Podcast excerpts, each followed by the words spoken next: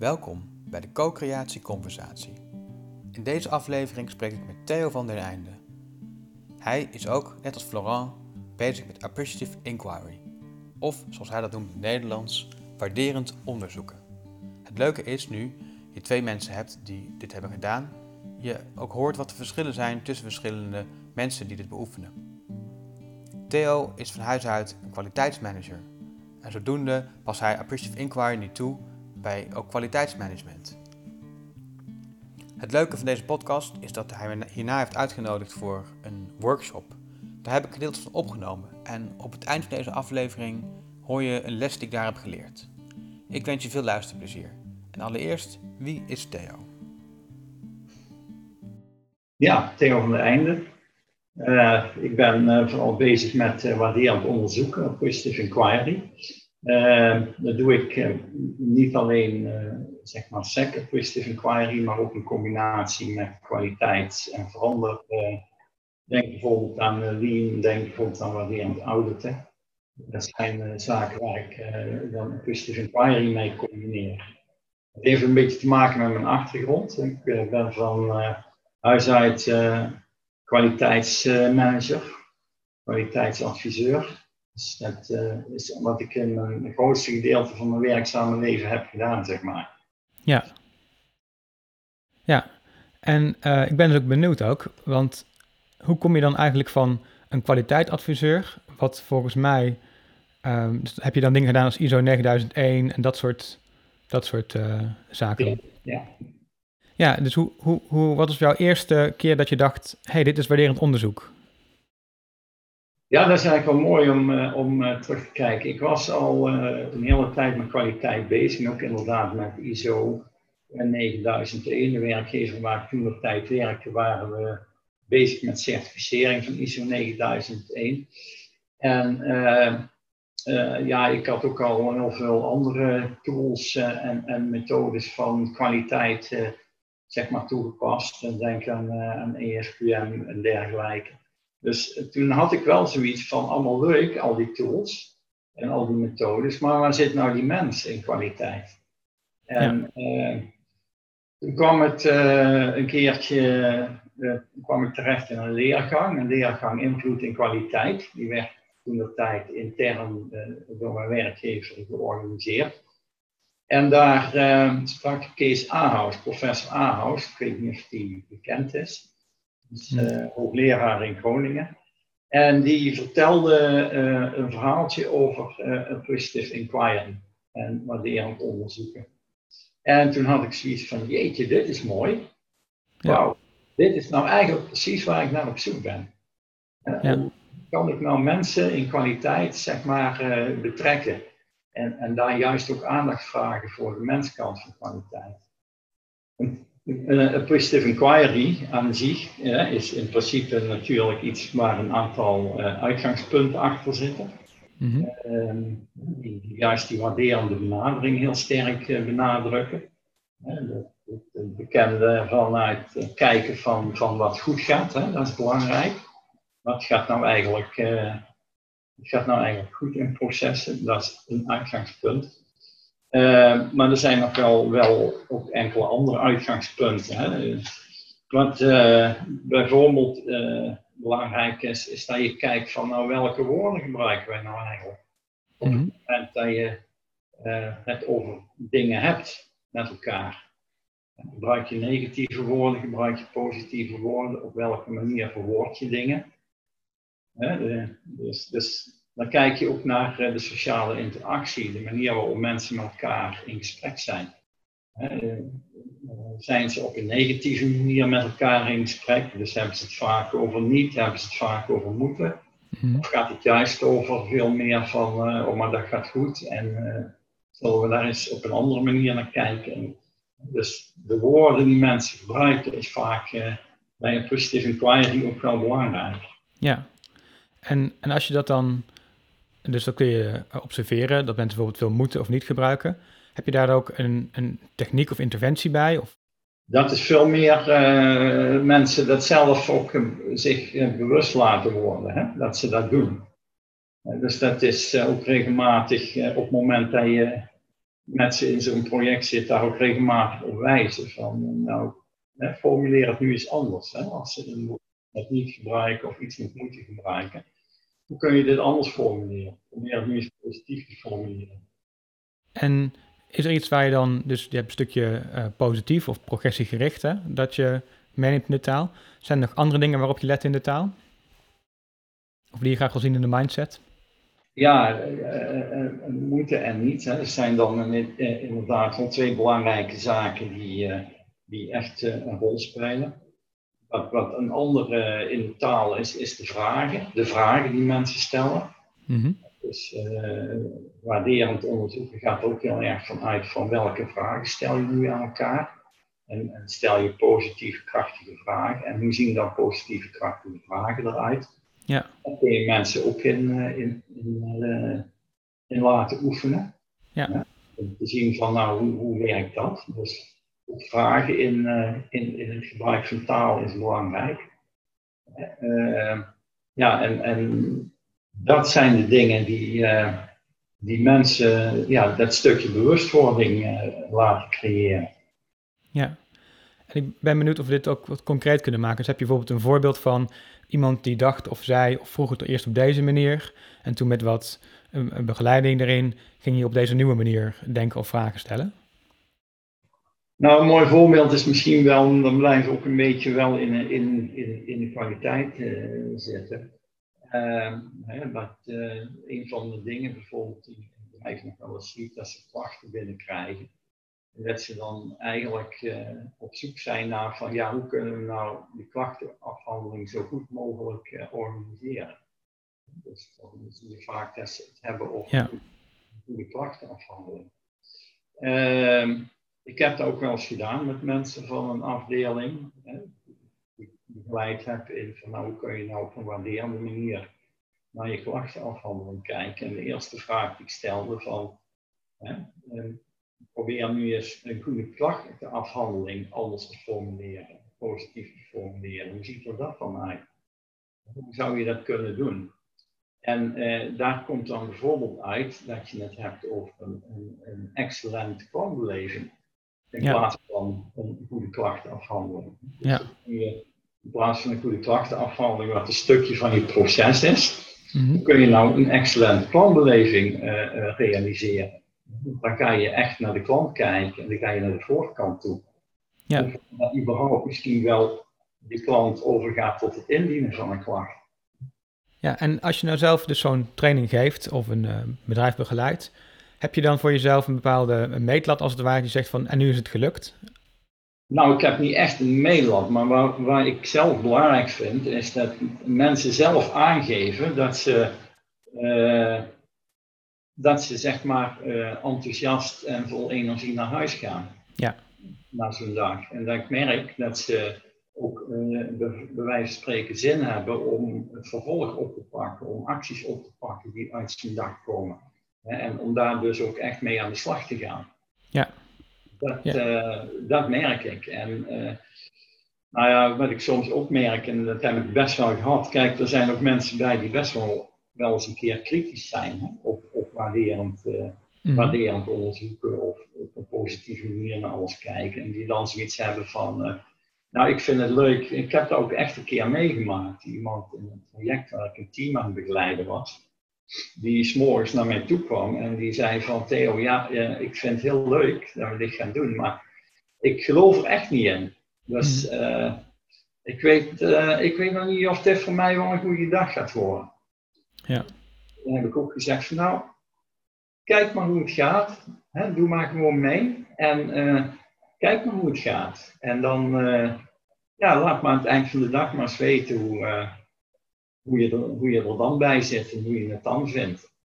Dus ja, ik heb ook gekeken in, in het traject waar we die dag hadden van nou, hoe, hoe gaat dat? Hoe, hoe zit die persoon erbij? En, wat doet ze? Doet ze mee? Doet ze niet mee? En ik zag op een gegeven moment ook best wel dat ze aan het groeien was in die dag. En ze kwam ook aan het eind van de dag naar me toe. En toen zei ze ook van, nou Theo, ik ben blij verrast. Ik had dit echt niet verwacht, zei ze. Ik heb echt zo'n fijne dag gehad. Het is zo leuk geweest. ik heb er echt zoveel uit kunnen halen, ook voor mezelf, maar ook met elkaar, zei ze, ook in de samenwerking met de mensen. Dus het was gewoon hartstikke leuk om mee te maken. Ik zou zo nog zo'n dag willen. Dat, dat, zijn dan, ja, dat zijn dan, als je het dan over meetland hebt, dan is dat voor mij natuurlijk een hele mooie meetland. Ja. Als mensen dat zeggen. En ik ben benieuwd ook van, uh, stel je voor, ik wil meer waarderend werken, dan ga ik het proberen en dan kom ik misschien tegen allerlei beginnersproblemen aan of beginnersfouten aan. Of ja, jij hebt hier nu al, geloof ik, nu 13 jaar ervaring mee, sinds die eerste training in 2007. Uh, eh, ja, heb je misschien nog les die je mee kan geven aan mensen die het ook willen gaan gebruiken? Ja, kijk, twee, eh, twee dingen. A, het kan helpen als je al uh, enigszins positieve instelling hebt van huis uit. Mhm. Ik ben zelf uh, redelijk positief ingesteld van huis uit al. Nou, dat helpt natuurlijk al een, al een heel stuk. Ja. Dan, dan heb je het al enigszins in je om, uh, om juist dat positieve wel te willen omarmen. Dus dat, uh, dat, is, dat, is, dat is de eerste eigenlijk. Ja, en het tweede is wat ik altijd zeg van, je kunt positiviteit niet leren. Het moet iets zijn wat in je mindset gaat zitten en waar je mee moet oefenen en werken. werken met waarderend onderzoeken uh, is vaak ook een proces wat je niet van de ene op de andere dag leert.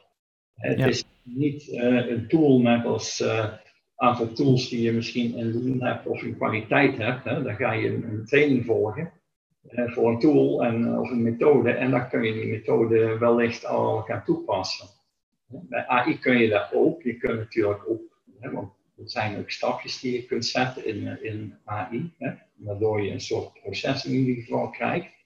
Ehm, maar uiteindelijk gaat het erom uh, dat je er echt mee aan de slag gaat. En uh, dat je beseft dat een proces van, omdat je juist die mindset uh, hè, anders moet maken, mm dat dat gewoon tijd nodig heeft. En dat kan bij de ene een paar maanden duren en kan bij de andere een paar jaar duren voordat hij zover is, bij wijze van spreken. Ja. Dus ik zeg ook altijd van uh, besef dat uh, als je met waarderend onderzoek aan de slag gaat, uh, dat dat een proces is waar je in gaat. Dat, dat het ook niet alleen een tool is, dat er wel stapjes zijn, maar dat het vooral gaat om de filosofie die erachter zit. En, en het gedachtegoed, sorry, er zit een wesp hier. Ja. Daar, even die beweging. dus, dus vandaar ja, dat dat dan eigenlijk uh, ook iets is wat ik mensen meegeef. En een van de dingen die ik zelf moeilijk vind soms is om te kijken van, goh, er komt zo'n kwaliteitssysteem aan of er is een of andere productontwikkelproces, om dan die, die stap te maken eigenlijk van het denken in werkprocessen naar het denken in, in mensen die samenwerken en in, met elkaar dialogen hebben en die gesprekken hebben. En herken je dat? Dat je ook een wisseling moest maken van denken in werkprocessen naar denken in mensen? Ja, kijk, ik heb natuurlijk ook een tijd gehad dat ik heel erg, hè, toen ik met de kwaliteit begon, ook heel erg met, uh, met werkprocessen ben bezig geweest. Ja. En, en, dat je dan ook uh, uh, denkt in werkprocessen in eerste instantie. wat ik wel eigenlijk altijd, maar dat komt dan misschien juist vanuit die positieve insteek van mij, altijd wel zoiets heb gehad, ja, ook al is het een werkproces, er zijn wel mensen die, eh, die ermee werken. Ik had al laatst nog een mooi voorbeeld van. Uh, kwam mijn vrouw toevallig uh, thuis. Uh, op een basisschool. Dus uh, ze ging over inschrijven van, van kinderen. En een van de ondersteuners die wilde dat proces gewoon even opnieuw bekijken en schrijven. Die had dus het proces geschreven. Had daar ook een aantal dingen in in bedacht. Uh, en uiteindelijk bleek dat die in de praktijk eigenlijk helemaal niet zo werken. En dat kon mijn vrouw vertellen, omdat zij in de praktijk die inschrijving had gedaan. Ja. Um, alleen, uh, ja goed, uh, merk dus dat op een gegeven moment, hè, dat is dan een voorbeeld van, van dat, dat je zeg maar zo helemaal in je processen kunt gaan zitten, zonder na te vragen bij degene die zo'n proces al langer uitvoert van wat is nou jouw ervaring en wat betekent dat nou hè, als, uh, als je dat doet en uh, waar kom je allemaal tegen als je zo'n uh, proces van inschrijvingen uitvoert. En dan zie je hoe belangrijk het eigenlijk is om die mens mee te nemen, zeg maar, in dat verhaal. Hè? Ja, en wat misschien ook wel eigenlijk impliciet is en ongemerkt, maar heel erg natuurlijk verweven in, is dat, dat vragen stellen is heel wat anders dan als expert de antwoorden vertellen. Uh, ik kan me voorstellen dat zeker ook in een rol als kwaliteitsmanager, dat je dan ook allerlei antwoorden hebt van zo moet het, en dan ga je eigenlijk vertellen. Maar je kiest er dan dus voor om, vragen te stellen. Uh, ja, een kwaliteitsmanager wil nog wel eens de neiging hebben om te zeggen van ja, maar ik ben de kwaliteitsmanager, dus het zou veel beter zo kunnen. En als ik dan zeg, dan zal dat zo wel goed zijn. En dan moeten mensen dat gaan doen. En dan krijg je juist het effect dat dat dan niet gaat werken. Ja, misschien even. Het gaat misschien even werken. Na verloop van tijd uh, heb je het dan toch wel weer weg. Ja. Dat mensen niet zelf betrokken zijn. Ja. Begeleid je ook andere mensen in zo'n organisatie, misschien leiders, managers, kwaliteitsmensen, om dus meer vragen te stellen in plaats van meer te vertellen? Ja, inderdaad. Dat, uh, dat is dus iets waar mensen ook, uh, en dat geldt zeker ook voor de kwaliteitsmanager, leren om vragen te stellen inderdaad uh, aan de mensen. leren om de goede vragen te stellen en om inzicht te krijgen in, van de mensen zelf en wat ze nu eigenlijk aan het doen zijn in dat proces en hoe ze het uitvoeren. ik zeg altijd maar, degene die het doen, zijn de mensen die het beste weten hoe het werkt. Die zijn er de hele dag mee bezig voeren de hele dag het proces uit. Dus uh, hoe belangrijk is het om juist dat te betrekken, die ervaring en de kennis die zij daarin hebben. Ja, en, en toch is het zo dat, er zijn bepaalde misschien vereisten of, of, of dingen die moeten dan gebeuren volgens zo'n norm, waar misschien de medewerker op de werkvloer nog niet over heeft nagedacht of waar hij nog niet mee bezig is geweest. Um, dat moet je dan toch als kwaliteits persoon in gaan brengen op een, op een manier. Heb jij daar een manier om dat vragen te doen? Of om dat. Ja, of hoe hou je die balans eigenlijk tussen dan die dingen inbrengen en toch blijven vragen? Ja, ik, uh, wat dat betreft is het een, uh, zeg maar ook kijken van hoe, hoe mensen erin zitten. Een, een, metafoor die ik daar vaak uh, dan bij gebruik is de metafoor van het schilderij. Ehm, dat je zegt van kijk, je hebt een, schilderij. Een, een, schilderij heeft altijd een, rand, een kader. En, en, dan kun je een schilderij hebben, denk terug aan de oudheid, waarin je een heel klein schilderijtje had, maar met een heel brede lijst eromheen. Je kunt ook een schilderij hebben wat heel modern is en wat misschien maar een hele dunne lijst heeft. Nou, die lijst is wel het kader uh, van uh, de dingen die nou eenmaal gegeven zijn. Waar je van zou kunnen zeggen in een organisatie, als je naar kader kijkt, nou, dit zijn de spelregels. Die spelregels zijn er. Dat zijn de afspraken die we hebben, dat zijn de waarden die we hebben met elkaar, et cetera. Dat, dat zijn de dingen die nou eenmaal moeten, om het zo maar eens te zeggen. Uh, en dan is de vraag, wat ben jij voor een organisatie? Ben jij zo'n organisatie die uh, zo'n brede lijst heeft, dus heel veel kaders, en de mensen heel weinig speelruimte daarin geeft, hè, want dan is het schilderijtje is, is de speelruimte. Of ben jij zo'n modern schilderij met een klein kader en geef jij jouw medewerkers juist heel veel speelruimte om zelf heel veel dingen te doen. En, eh, vanuit die metafoor eh, kun je dan vervolgens ook eh, vragen gaan stellen. En mensen daar dan ook in meenemen. En zeggen van ja, oké, kijk, er zijn kaders, er zijn dingen waar we eenmaal niet aan voorbij kunnen. Daar moeten we nou eenmaal mee leven in een organisatie. En, uh, de vraag is dan ook vervolgens hoe, hoe je daar als manager, ook als kwaliteitsmanager, mee om wilt gaan. Ja, kan het kader soms zo dik worden dat je zegt, dit is niet meer werkbaar. Hierin krijgen de medewerkers te weinig ruimte om de verbeteringen door te voeren die gewenst zijn de kunst is, denk ik dan, om met elkaar te kijken van, zijn al die regels dan ook altijd per se nodig? want ik wil niet zeggen dat dat kader wat er is, dat dat vervolgens niet uh, ter discussie mag staan of dat je daar niet over kunt praten met elkaar. Kijk, juist in een organisatie waar je veel kaders hebt en veel regels, daar, daar merk ik dat juist waarderend onderzoek vaak een, een, een soort van verlichting geeft. Ik, ik, kan me nog herinneren toen uh, in, in, in, de organisatie waar ik eerst werkte, ik heb dan bij UWV gewerkt heel lang. Dat, uh, dat, is, dat dan toch best wel een, een blauwe organisatie met veel regeltjes. Uh, ook hiërarchisch sterk gestructureerd. Dat je dan op een gegeven moment de Christus Inquiry gaat inbrengen daar. En gaat zeggen van nou, zullen zullen we eens gaan kijken hoe een Christus Inquiry kan werken binnen, binnen UWV. En dat je dan in eerste instantie uh, eigenlijk zoiets krijgt van, uh, ja, ik kan me nog herinneren dat ik naar mijn baas ging. Uh, ik zeg van, god, ik heb die training nu gevolgd, maar ik wil er nu ook wel iets mee gaan doen. Hè? dus ik stel voor dat ik een ervaringsdag ga organiseren. En daar gewoon mensen voor uitnodigen. En ik weet nog dat mijn baas toen zei van, ja, voor mij mag je, maar ik geef je niet veel kans in deze blauwe organisatie. En ik kan me herinneren dat ik toen uh, de uitnodiging uitdeed voor de eerste dag. En dat ik binnen twee uur 14 aanmeldingen had.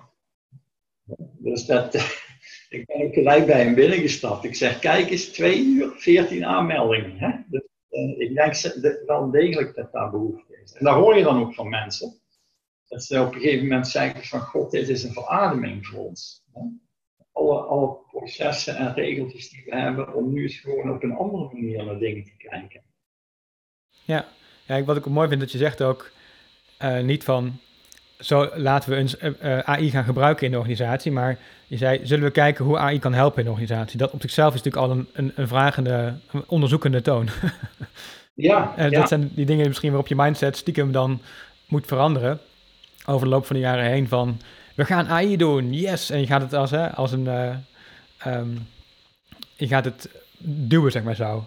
En dat veranderen naar, hey, zullen we eens kijken hoe het kan helpen. En dat is weer dat vragende stuk uh, komt dan terug. Ja, ja. ja, want dat zie je natuurlijk vaak wat gebeurt in organisaties. Hè? Dat, dat uh, ze achter dingen aanlopen die op dat moment heel erg pixel zijn. En we hebben het ook een tijd gezien met Lean, we hebben een tijd gezien met Agile. Uh, dat zijn dan dingen die, uh, die op een gegeven moment opkomen. En waar organisaties dan vaak van hebben, oh, dat moeten wij ook maar eens gaan doen. En dan uh, eventueel mensen naar cursus sturen, of misschien is er iemand die naar cursus is geweest en dan zoiets heeft van, ja, dat gaan we doen. de vraag is of het dan gaat werken. En met Custom Inquiry, toen UWV hebben we er heel bewust voor gekozen om zeg maar, eh, te, te laten werken vanuit de olievlekgedachte. Van nou, we beginnen gewoon. En we gaan kijken hoe, eh, hoe het zich in de organisatie uitbreidt. En, en dat heeft het uiteindelijk ook best wel gedaan. Want uh, de eerste ervaringsdag had ik uh, 40 mensen. De tweede ervaringsdag waren er al 75 die, die kwamen. Dus ja, dat, dat, dat ging van mond op mond. En daar hoef je zelf weinig voor te doen. En dan zie je ook dat mensen daarmee aan de slag willen. En dus uh, naast die ervaringsdag zijn we ook mensen gaan trainen in, uh, in uh, faciliteren van, van projecten op de eigen werkplek. ook puur vanuit, de eigen, vanuit het eigen willen, vanuit het zelf ook aan de slag willen daarmee. En ja, dan zie je ook dat er ook echt heel mooie dingen gebeuren. Als mensen daar dan ook echt uh, in getraind zijn en, en mensen ook van de eigen afdeling weer daarin uh, mee gaan nemen. En daar hoef je eigenlijk niet zo heel gek veel voor te doen. Ja, ja, dat is dan mooi. Want als je zegt van we moeten het gaan doen, ja. Hè, dan moet je een project maken en dan moet het zo en dan moet het zo. En dan ja, dat, dat, uh, dat zie je dan vaak, hè? Dat, uh, dat, dat heel veel energie kost vaak. En dat je dan ook nog maar moet afvragen of je uh, de mensen allemaal goed meekrijgt. Ja, wat je ook wel ziet in die dynamiek is, hoe harder een manager of een leidinggevende best doet om te motiveren, hoe luier de medewerker kan worden, want weet toch dat de baas achter zijn broek aan zit. En andersom, hoe meer je eigenlijk de medewerker zelf ruimte geeft om initiatief te nemen, en hoe luier de manager wordt, hoe meer de medewerker eigenlijk kan en zal gaan werken en gaan ja, uh, bewegen eigenlijk. Dus, en en dat, is, dat is denk ik wel een van de mooiste effecten van met waarderend onderzoeken bezig zijn. Dat je eigenlijk uh, nooit hoeft te overtuigen. Vanuit die, die, zei ik ook altijd van ik ga jullie niet overtuigen of dit goed Mhm. is. Ik ga jullie vertellen hoe het werkt en, en, en ik laat je een stukje ervaren hoe het werkt. Ja. En ga dan maar eens kijken wat je ermee kunt. Ja. Zie maar wat je ermee zou willen gaan doen. Ja. Dan, eh, ja, dat, dat, dat, dan, dan hoef je mensen bijna niet te overtuigen. Dan is het verhaal op zich, eh, wat ze meemaken, de enthousiasme, de energie die eruit komt, Mhm. vaak al voldoende voor mensen om, eh, oké, ja, hier, hier ga ik ook iets mee doen. Ja. Ja, en dan kan het zich verspreiden, mond to mond eigenlijk zo. En dan kan het steeds groter worden. En zo kun je eigenlijk dan momentum bouwen in Ja. een project voor organisatie. Ja. Ja, ja. Dus dat is het mooie van, eh, van waarderend onderzoeken. Ja. En ik ben ook nog naar één ding benieuwd. En dat is namelijk, ik heb eens die stappen het doorgelezen. En je hebt dan van, de, volgens mij eerst de, de dream fase. En op gegeven moment kom je de design en de define fase tegen. En wat ik ervan beg- begrepen heb, is dat, dat je eerst eigenlijk de breedte in moet. Eventjes gewoon los kunnen gaan dromen. Voordat je concreet wordt en weer in oplossingen gaat. Om juist dat creatieve proces eigenlijk op gang te brengen. Ehm, herken je dat? Of eh, ja, ik ken de theorie niet zo goed daarover. Ja, ja, ja, dat is ook een van de stappen inderdaad, hè, in, in, eh, die, eh, die je zet in, eh, in zo'n eh, zo'n traject eh, als je met waarderend onderzoek aan de slag gaat. Hè, want je begint in feite met elkaar te kijken naar van, eh, van eh, ja, wat doen we eigenlijk nu al goed?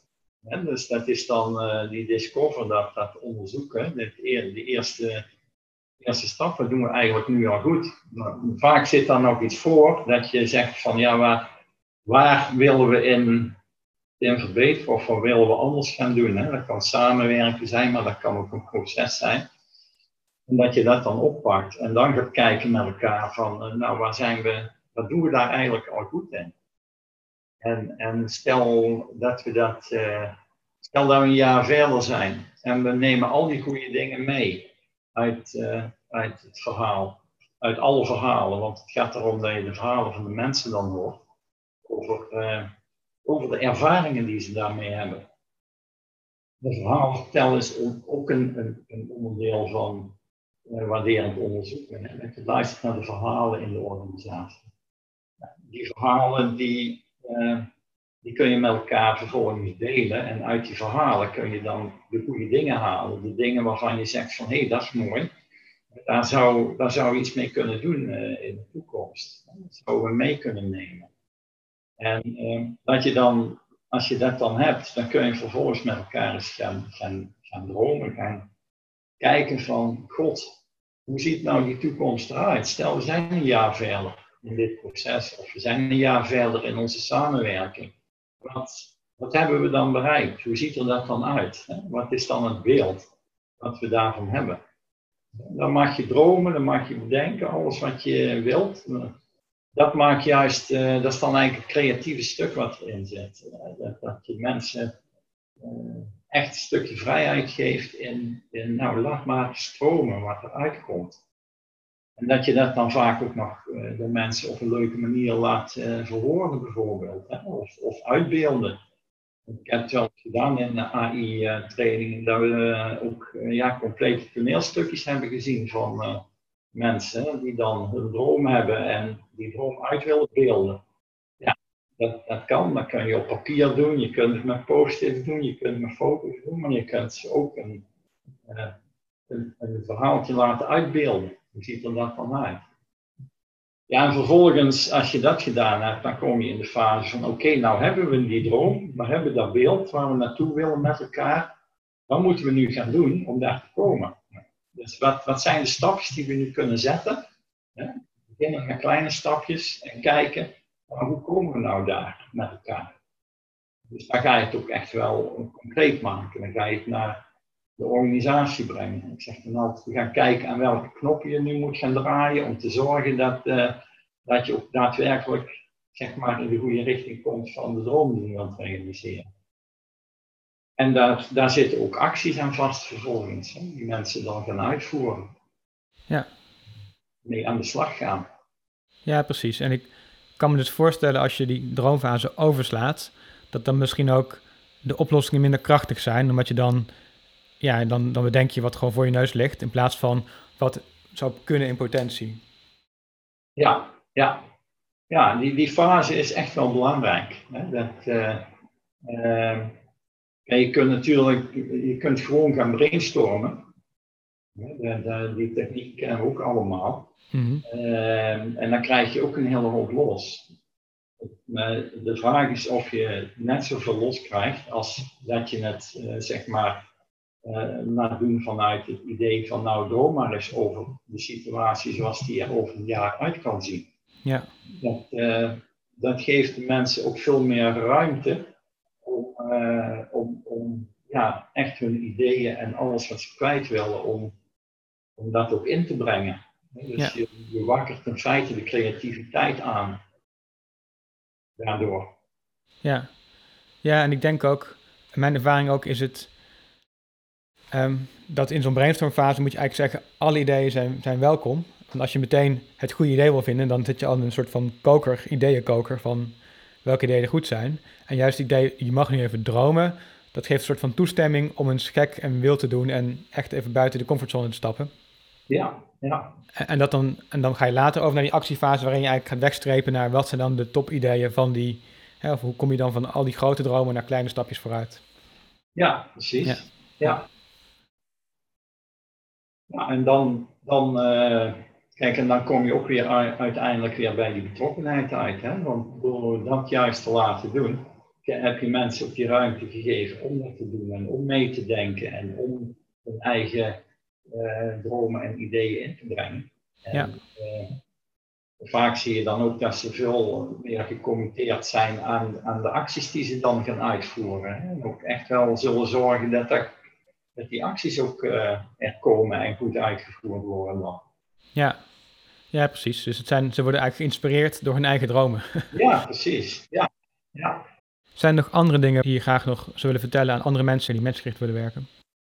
Ja, ik denk dat dat, dat belangrijk is, in ieder geval goed is, dat uh, mensen beseffen dat, dat ze heel veel kunnen bereiken door juist op een waarderende manier uh, uh, te kijken naar, naar hun processen, maar naar hun werk, maar ook gewoon naar de wereld om, om, om, om ze heen. Van, ja, wat, gebeurt er allemaal en hoe werkt dat? En, wat zijn daar de goede dingen allemaal in? Hoe kunnen we daarmee omgaan? Ja.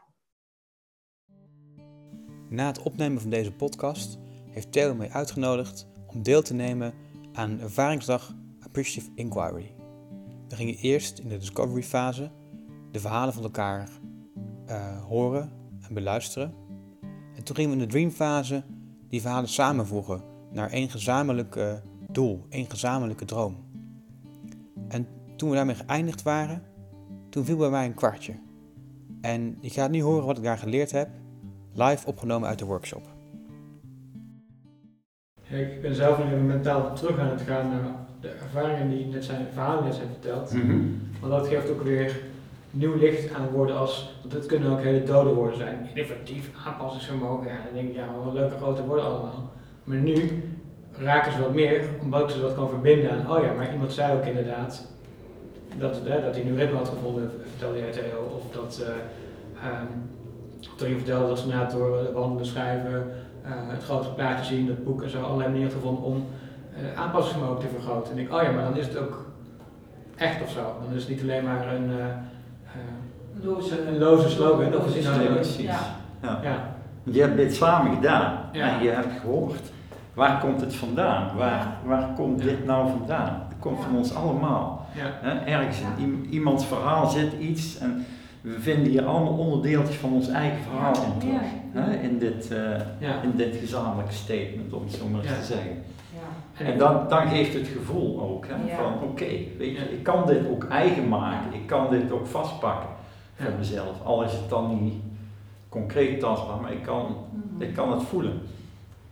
Ja. Ja, en ik denk ook als je dit, dit alleen conclusie zou delen met iemand anders, zou je denken van ja, het zou wel of klinkt mooi, maar die zou het denk ik niet zo kunnen voelen nee, als wij het niet bij is Ja, exact. En dat is denk ik toch een uh, belangrijk stukje van waar de magie begint en eindigt ook, zeg maar. Ja. In de container als het ware van dit ja, boekje. Ja, dat klopt. Ja. Ja. Dat betekent ook als je dit kunt voelen en als je voelt, oké, okay, dit, dit is het. En je, je, kunt, je kunt daar pakken wat ieder woord betekent wat daarin staat. Ja. dan kun je dat ook gaan realiseren. Ja. Dit was weer een podcastaflevering van de Co-creatie Conversatie. Ik hoop dat je hebt genoten. En wil je nu meer weten over Theo, dan kun je hem vinden op inspiring-change.nl. Hij heeft er onder andere ervaringsdagen, appreciative inquiry, maar ook waarderend onderzoeken, krachtige vragen stellen en meer.